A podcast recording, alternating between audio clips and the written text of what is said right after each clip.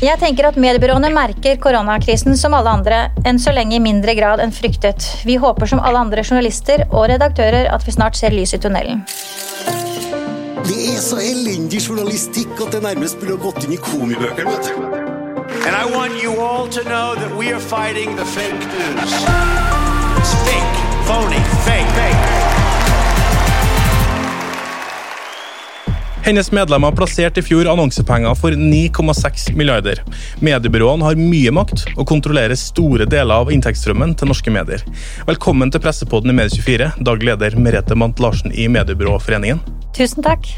Norske medier permitterer, noen sier opp, og alle har til felles at de frykter for annonsepengene, de samme pengene som dine medlemmer kontrollerer.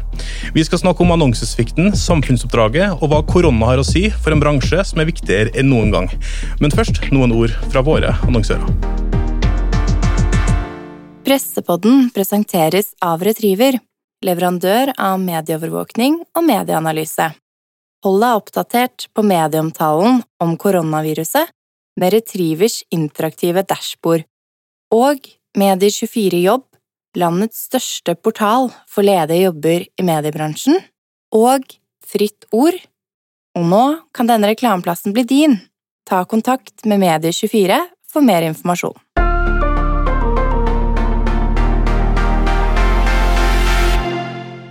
Merete, det sitter norske journalister og redaktører der ute nå og frykter for jobbene sine. Og nøkkelen, jo det er enkel, det er annonsekroner. Kjenner du på ansvaret? Ja, definitivt. Det gjør jeg, og det gjør mine medlemmer også. Det er, jo, det er jo klart at dette er en tid som krever mye av alle og enhver, og ikke minst av mine medlemmer, som også skal prøve å sørge for at ikke alt blir negativt vinklet, og at man ser potensialet og mulighetene som tross alt ligger der. Eh, meg bekjent så leses det og lyttes det og, og sees det mer enn noensinne. Det rapporterer mediene.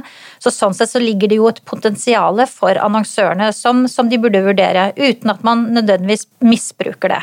Det er jo en absurd situasjon. Altså, man opplever liksom tregangen i trafikken. Altså, man har aldri liksom vært viktigere. Og likevel så er det liksom, kan man ikke bruke den trafikken til noe kommersielt. Eh, hvilke tanker gjør du der rundt det? Nei, jeg tenker at det, vil, det er nok veldig forskjellig for, for, hvilken bransje vi snakker om. og Det vil også utkrystallisere seg, utkrystallisere seg i, for, i, forhold til hvilke medlemmer jeg snakker om òg, litt avhengig av hvilke type annonsører de har. De som representerer disse store dagligvarekjedene har jo mye å gjøre nå. Eh, og Sånn sett så, så vil det være en enklere sak for dem å rådgi og være på og sørge for at de, de får sine uh, kampanjer på. Men for de som sitter på annonsører innenfor reise, innenfor kles, kleskolleksjoner, innenfor eh, retail, så vil jeg tro at det er en krevende situasjon. Og da er det jo noe med å også klare å holde eget, eh, sin egen bedrift i gang. Jeg eh, vet at det permitteres også hos mine medlemmer, og at de, de, de har en hverdag som også krever mye av dem for å holde businessen i gang. Så det er nok kombinert eh, utfordrende å ha fokus på sin egen bedrift og sin egen situasjon, og samtidig håndtere og være på i forhold til eh, sine kunder, som da er annonsørene. Men jeg ser jo og har hørt at det er en veldig stå-på-vilje. Det er mye kreativitet. Jeg syns jeg ser mye lagt ut av råd og vink og tips til annonsører fra medlemmene mine, både på, i medier, men også på type LinkedIn og de stedene de ønsker å formidle den type informasjon. Mm. For dem som ikke kjenner til hvordan denne strukturen fungerer, liksom med mediebyråer, annonsører osv., kan du dra oss litt inn i hvordan, hvordan funker dette egentlig?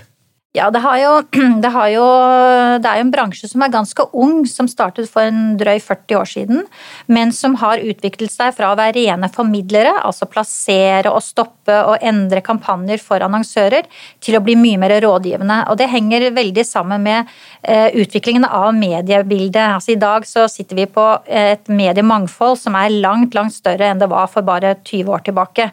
Eh, så den rådgivningen har blitt veldig viktig. Så i dag så uh, gjør mine medlemmer en, um, det vi kaller De utvikler mediestrategi og kommunikasjonsstrategi basert på en, en brief fra kundene. Hvor de da ser på hva skal være hensikten med en kampanje, hva skal være målene, hva slags budsjett man har, og så plasserer man. Veldig enkelt sagt så ville man sagt i gamle dager så ville man sagt at reklamebyråene produserte og mediebyråene plasserte. Men i dag er jo det bildet mye mer sammensatt. Mm, det sviser sveisa mer eller mindre Ja, sammen. alle leverer jo på en eller annen måte alt. Hvordan er annonsesituasjonen akkurat nå når vi spiller inn denne podkasten torsdag 16. april? Mange er jo selvfølgelig spent på eh, hva er koronaeffekten? Kan vi allerede nå se at, eh, altså, hvordan dette har utspilt seg? Ja øh, og nei. Øh, tallene mine, altså det som formidles gjennom mediebyråene i Norge i dag, har vist første kvartal en nedgang på snaue 8 øh, prosent. Eh, Det er bedre enn forventet. Jeg tror mange har glemt litt egentlig hvordan hele dynamikken er. Og det er jo at når man bestiller kampanjer på, hos mediene, så har man jo en avbestillingsperiode øh, som gjør at man kan ikke få stoppet kampanjer. Dette er jo for å sikre inntektene også for mediene. Eh, Så jeg tror at det som skjedde 12. mars har ikke egentlig fått helt effekt. Eh, Prognosene for hele 2020 har jo vært en nedgang. Eh, Sånn at den nedgang vi har nå, henger egentlig eh, sammen med det som vi har hatt som prognose for 2020. Um, men det som, det som vi er opptatt av nå, det er jo å se hva som skjer i april, hvor vi både har påsken, men også da eh, for, for antagelig eh, koronaeffekten. Eh, april og mai tror jeg blir eh, veldig spennende å se, og jeg håper jo ikke det blir for galt, det som kommer da. Men, men eh, de, fordi Dere rapporterte jo tall eh, en gang tidligere også i, i korona, men da var det på en måte, da kunne man i hvert fall ikke se noe ennå. Eh, Og så kommer det nå, nå begynner man å se en antydning. altså kan man, Men vi, vi hører jo norske medier i hvert fall som forteller om liksom, en totalsvikt på mange måter. Ja, Hvilke forventninger har du? Er det, er det dommedagstall du kommer med neste gang, tror du? Nei, altså Tallene, for eksempel, så kan jeg si at internett går tilbake. Det er jo sjelden vare å se. Det tror jeg er typisk sånn koronaeffekt, fordi man kan stoppe den type kampanjer raskere enn f.eks. på TV, som har lengre avbestillingsperioder. Eh, Så det, jeg tror du vil se det litt i tallene, at det er litt avhengig av hvilken kanal vi snakker om. Eh, Men, men, men stoppen, at man stopper og det kommuniseres ut, at de store annonsørene sier nå stopper vi, nå, nå, vi ikke, nå vil vi avvente situasjonen, så, så har det et etterslep. Så sånn sett så tenker jeg at de kampanjene som var i utgangspunktet planlagt for april og for mai, det er de som på en måte vil lide mest nå. Hva, hva er det som ligger bak de tallene som du har nå? Altså, nå, nå forteller du om en 8% svikt. Mm. Hvor er det vi ser den svikten størst? Eh, Og er, er, det noen, er det noe som helst positivt i de tallene, eller er det helsvart? Det er lite positivt, det må jeg jo si. Men, men, men for eksempel så, så ser vi at vekstvinneren innen internett som kanal, det er video. Den går frem med 11,6 Eh, Og sosiale medier vokser også med 2,5 Eh, Men noe som vi ser som ikke har vært eh, vist før, det er jo at kino faller eh, rett ned. Og det er jo naturlig nok at kinoene har jo også blitt stengt. Eh, Så, så, så kino eh, faller med 24,2% og de har jo vært en vinner i 2019. Det, samt- samme- det har også utendørs, og utendørs også sliter nå. Hvordan er det for de norske tradisjonelle mediene? Altså det, du kan si liksom papiret, eller altså, Vi har jo fått litt, om, litt av noe internettall her nå, da. Mm. Nei, fremdeles så, så er det tøft for dagspresset dagspresse og for magasiner.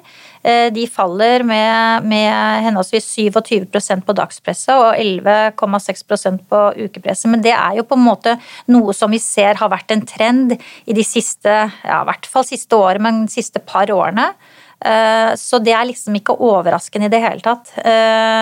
Men, men, men eh, lineær-TV har jo en, isolert sett en bra måned i mars, med en bitte liten vekst på 0,1 Eh, Så sånn sett har det vært et godt tegn, da. Men, men samtidig som jeg sa, så er det jo slik at, at avbestillingsgebyrer og ting gjør jo at ting blir stående på TV lenger enn en andre kanaler, hvor man kan, kan avslutte en kampanje fort. Ja, Det er ikke jubel på lineær-TV for det? Nei, det er ikke jubel, det, og det vil det nok ikke være. Eh, Jeg tenker at eh, det, det, det, det som, som, kanskje mine medlemmer nå jobber aktivt med, det er jo å se på nettopp det som vi snakket om i stad. At det er eh, det har aldri vært så mange som ser og lytter og, og, og, og leser. Eh, og at eh, merkevarer har behov for å vise seg fram i en sånn tid. Og det var en undersøkelse som nå ble vist til på, på kampanje.no, som, som, viste at forbrukeren er positiv til reklame i denne perioden. Eh, eh, er budskapet innenfor i forhold til den situasjonen veldig mange befinner seg i, så er man mottagelig. Og man er vel kanskje litt sånn søken etter noe som på en måte kan hvile hodet litt på noe som ikke skal være så alvorlig hele tiden. Vi er jo tross alt bare mennesker. Og vi er jo et land som på en måte lever litt i en egen boble også når det gjelder kjøpskraft og, og sånt. Altså, en veldig stor andel av befolkninga jobber jo f.eks. i offentlig sektor og, og, og, vet at det kommer penger i neste måned, og som har evne til å handle også retail eller varer som man har behov for, eh, vil jeg tro. Mm. Men når vi snakker om plassering av, eh, plassering av penger, eh, der har det jo foregått en debatt eh, i, i, lang tid. Eh, senest nå så er det jo eh, kommet store norske konserner som har sagt at mediebyråene må, eller at man må være bevisst på, annonsørene må være bevisst på at man må plassere pengene også det, i tradisjonelle medier hvis de skal overleve, ikke putte alt på sosiale medier. Og så ser vi at det motsatte skjer, eh, som det også har gjort før korona. Hva tenker du om den skvisen her? Nei, den tenker jeg er jo veldig interessant, fordi det har jo blitt nå um, vært en, en, en, debatt, som du sier, men også vært mye positivt å si man vil heie på de norske mediehusene. Uh, og annonsørrapporten i fjor viste jo at annonsørene ville det, de heide på de norske mediehusene. Men, uh, men tall viser seg jo nå at det er estimert fra et av mine medlemmer på at så mye som 7 milliarder vil bli brukt på utenlandske mediehus i 2020. Og da er det jo klart at det, det, gapet mellom det som på en måte eh, blir resultatet og det som sies, er jo stort.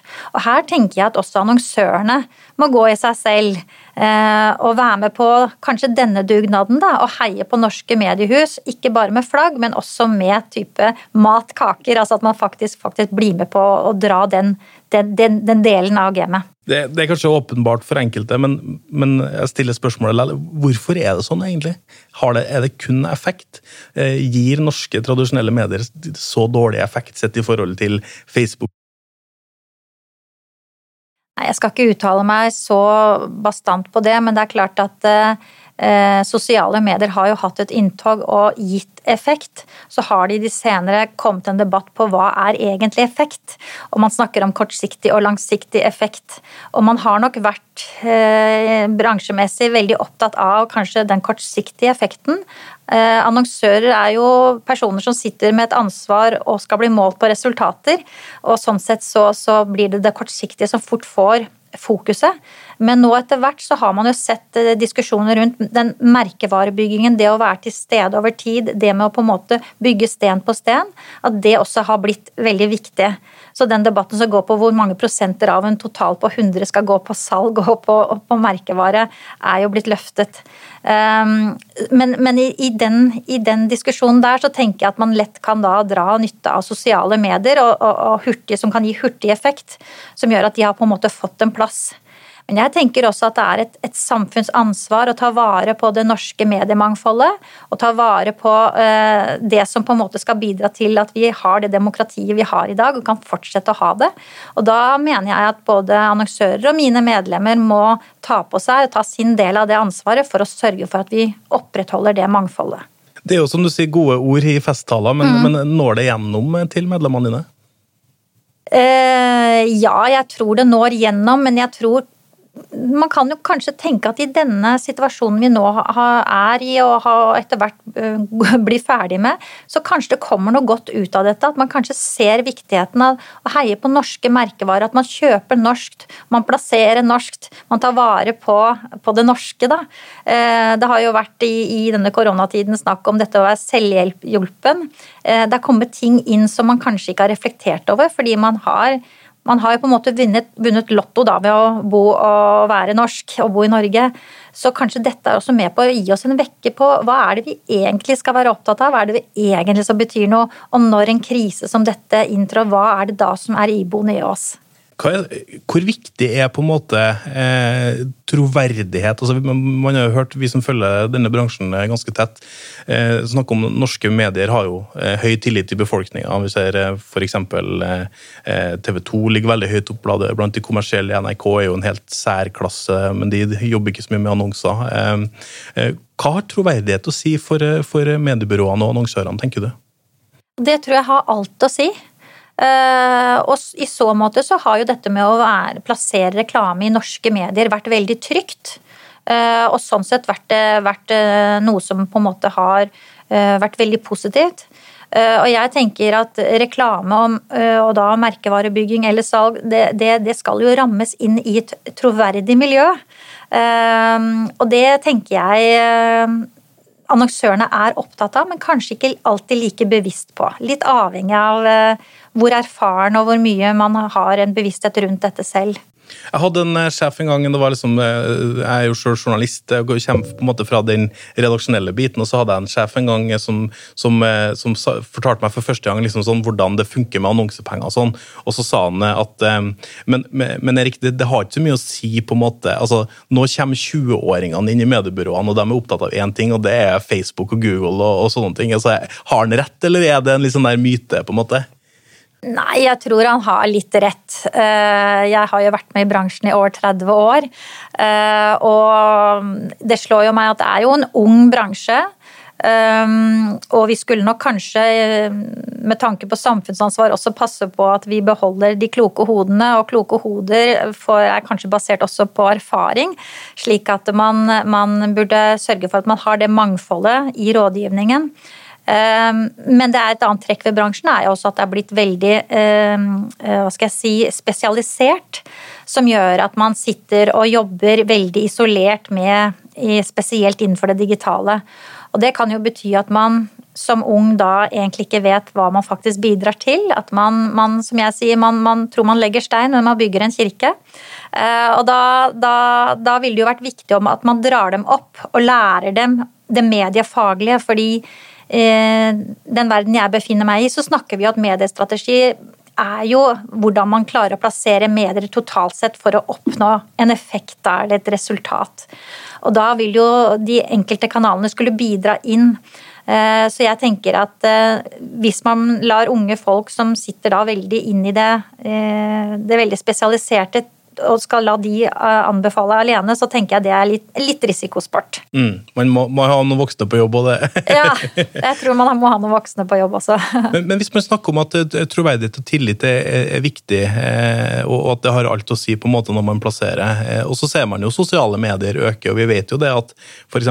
Altså, tillitsundersøkelser på sosiale medier som Facebook viser jo at de, de har jo ikke veldig høy tillit. altså Det, det er fake news som, som florerer i feeden til folk. altså Det er merkevarer med scam. altså blir jo, Facebook blir jo utsatt for veldig mye scam-forsøk, til tross for at de jobber hardt for å rydde opp. altså eh, Hva tenker du om det? Nei, det, det, jeg undres jo over det. Fordi at eh, det har, jo, det har, jo, vært noe som har vært debattert veldig, det som går på fake news. At dette med å ha tillit til medier og hvordan det snart er veldig få man har tillit til. Eh, så tenker jeg, og spesielt med den oppvoksende generasjonen, altså hvor skal de på en måte finne eh, informasjon som, som er troverdig, da. Eh, så jeg tenker at dette er jo noe som fort blir, som du selv sa, litt sånn festtaler, men som man ikke ser faktisk i det, i det virkelige livet og resultatene der ute. Så jeg tenker her må, her må annonsørene på banen. Det er jo Eh, til syvende og sist de som bestemmer. Eh, og så må jo vi som rådgivere og mine medlemmer være, være bevisst på eh, og kanskje i større grad dytte litt på den type kunnskap og diskusjoner. Hva er det vi egentlig mener, og hva er det vi egentlig skal bidra til? Det er en veldig interessant diskusjon som jeg, som jeg igjen tror kanskje kan få litt mer kraft når vi har vært igjennom denne krisen. Eh, en av de store annonsørgruppene i, Norge er jo landbruket, f.eks. Eh, la oss ta et gitt eksempel. Hvis eh, si Nortura eller Tine noe, hvis de sier til annonsør, altså, som annonsør, hvis de sier til et byrå vi skal være, eh, vi skal være på TV 2, eh, og så skal vi være i VG, og så kan du plassere resten på en måte selv. Altså, er, er det, kan dynamikken funke på den måten, for oss som ikke er liksom helt inni den, inn den delen? Jeg tror du kan finne eksempler på det meste der. Ehm, men, men det er klart at eh, en annonsør som er bevisst faget, og som på en måte har jobbet og kan produktene sine selv, burde jo kunne gi en god brief og ha gjort seg noen tanker om hvor de vil være. Eh, som rådgiver vil man jo alltid da eh, ta det til etterretning, men man vil jo også rådgi hvis man ser at det vil bære feil i henhold til de målsetninger som er satt. Det er jo det som er en rådgivers rolle. Ikke ta en brief for gitt og, og så bare levere. Så jeg tenker at her er det et samspill mellom annonsør og mediebyrå, og for den saks skyld også reklamebyrå, til å se på vi, hvordan skal vi fremstå, og, og ikke minst langsiktig, hva slags omdømme skal vi eh, ha, ønsker vi på en måte å ha eller ivareta.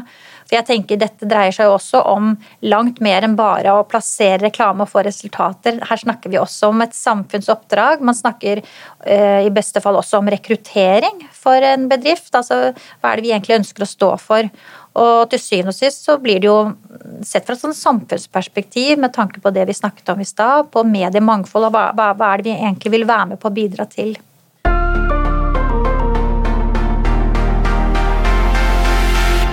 Pressepodden presenteres av Retriever, leverandør av medieovervåkning og medieanalyse.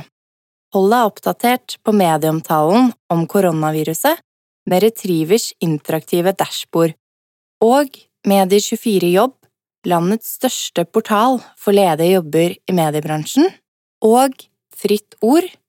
Og nå kan denne reklameplassen bli din.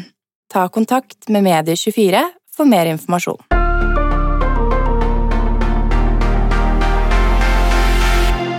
Hvordan er situasjonen for dine medlemmer nå? Altså, er, de, er, er, det mange som er permittert, eller liksom, hvordan, hvordan, hvordan, er status der hos dere? Nei, altså jeg sitter jo ikke på tallene hos det enkelte medlemmet, men jeg vet det er eh, permitteringer på, på, fra 100% til delvis. Eh, alle sitter på hjemmekontor. Teams er jo blitt det store nå. Eh, møter og alt skjer på Teams. Ehm, men, men, jeg opplever jo da eh, at det er en optimisme, faktisk. Og at eh, de som leder byråene har fortalt meg at de opplever en fantastisk stå-på-vilje og en positiv approach tenke litt på denne dugnaden, de som da faktisk ikke er permittert. Deres bidrag inn for å få de som er permittert tilbake, er jo kjempeviktig. Eh, dette med å, å, å se på mulighetene, som jeg sa i stad, blir veldig viktig. og jeg eh, tenker at, eh, jeg tenker at med mindre dette varer veldig lenge, så kan vi komme godt ut av det. Kanskje ikke i 2020 rent resultatmessig, men men det er mye læring i det vi holder på med nå også, og den tror jeg er viktig når vi skal evaluere enten bransjemessig eller samfunnsmessig eller bedriftsmessig. Så tenker jeg at, at vi kanskje vil gå ut av dette med, med, noe god læring som vi kan dra med oss videre, og som blir bra for business.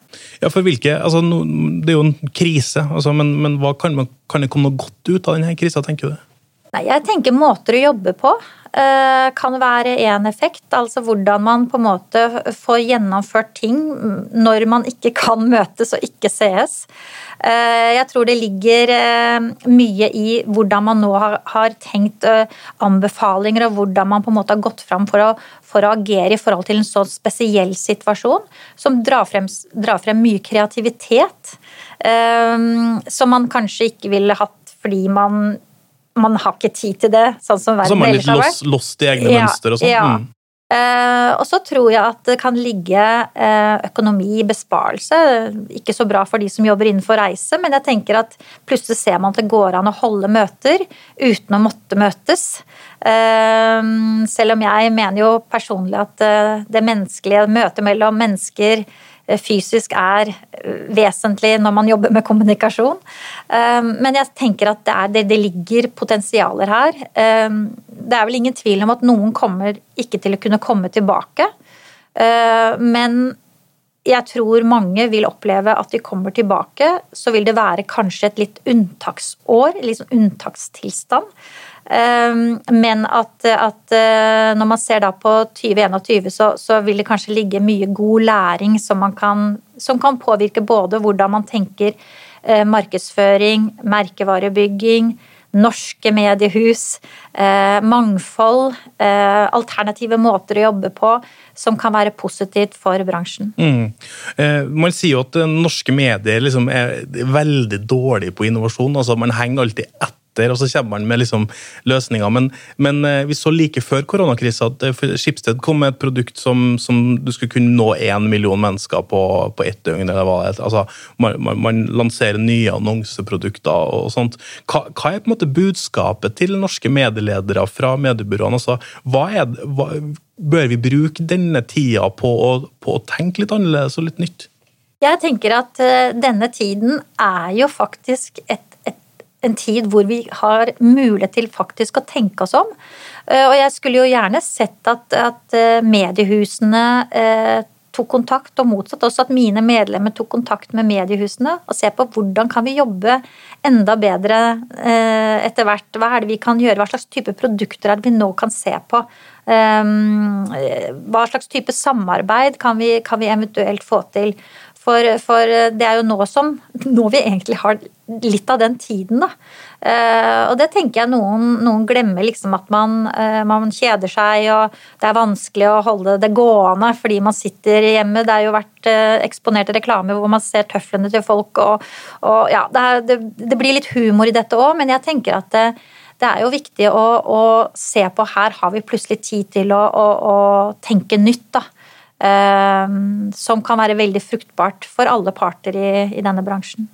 Eh, naturlig nok så er det mange i pressen som hører på Pressepodden, eh, som, som, kanskje er, er, permittert eller hjemme, frykter for arbeidsplassen sin, som kanskje har vært der i 100 år. Altså, hva, hva, er budskapet fra eh, dere som sitter med pengemakta? Eh, hva, hva, vil du si til norske journalister og redaktører? Og det er et veldig krevende spørsmål. Jeg ville selvfølgelig sagt stå på.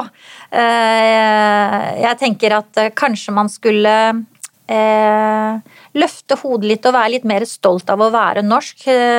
Det kan jo Det, kan jo, det har vel kanskje vært fort sånn at man ikke har vært så stolt av det, fordi man ser de store internasjonale aktørene kommer inn, har kommet inn og tatt liksom markedet, og så blir man litt litt sånn med å stå med lua i hånden.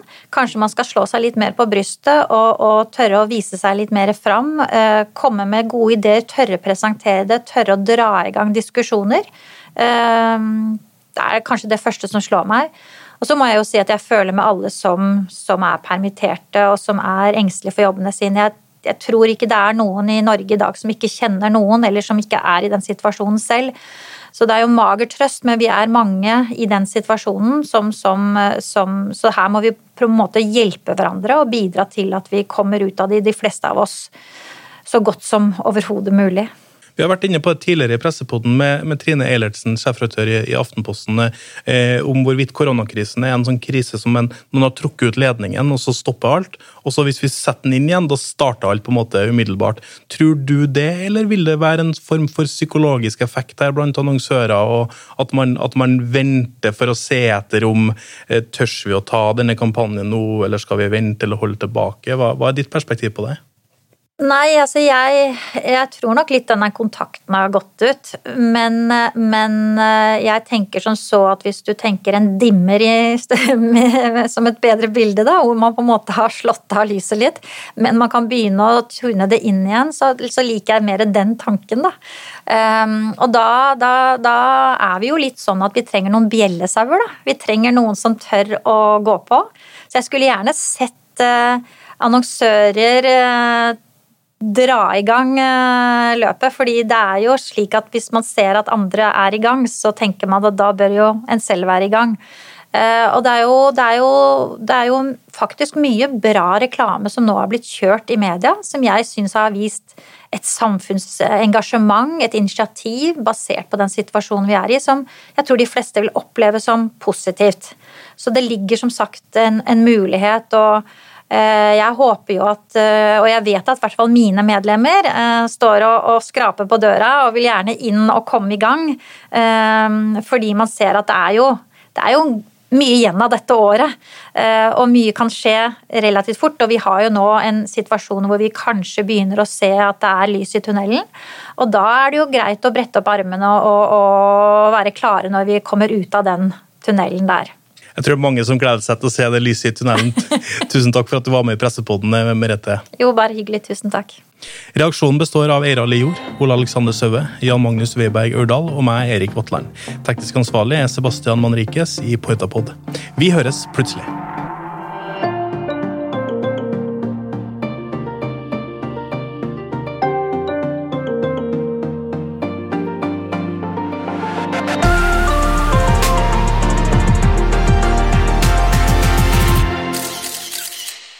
Pressepodden presenteres av Retriever, leverandør av medieovervåkning og medieanalyse. Hold deg oppdatert på medieomtalen om koronaviruset med Retrievers interaktive dashbord. Og Medier24 Jobb, landets største portal for ledige jobber i mediebransjen. Og Fritt Ord. Og nå kan denne reklameplassen bli din. Ta kontakt med Medier24 for mer informasjon.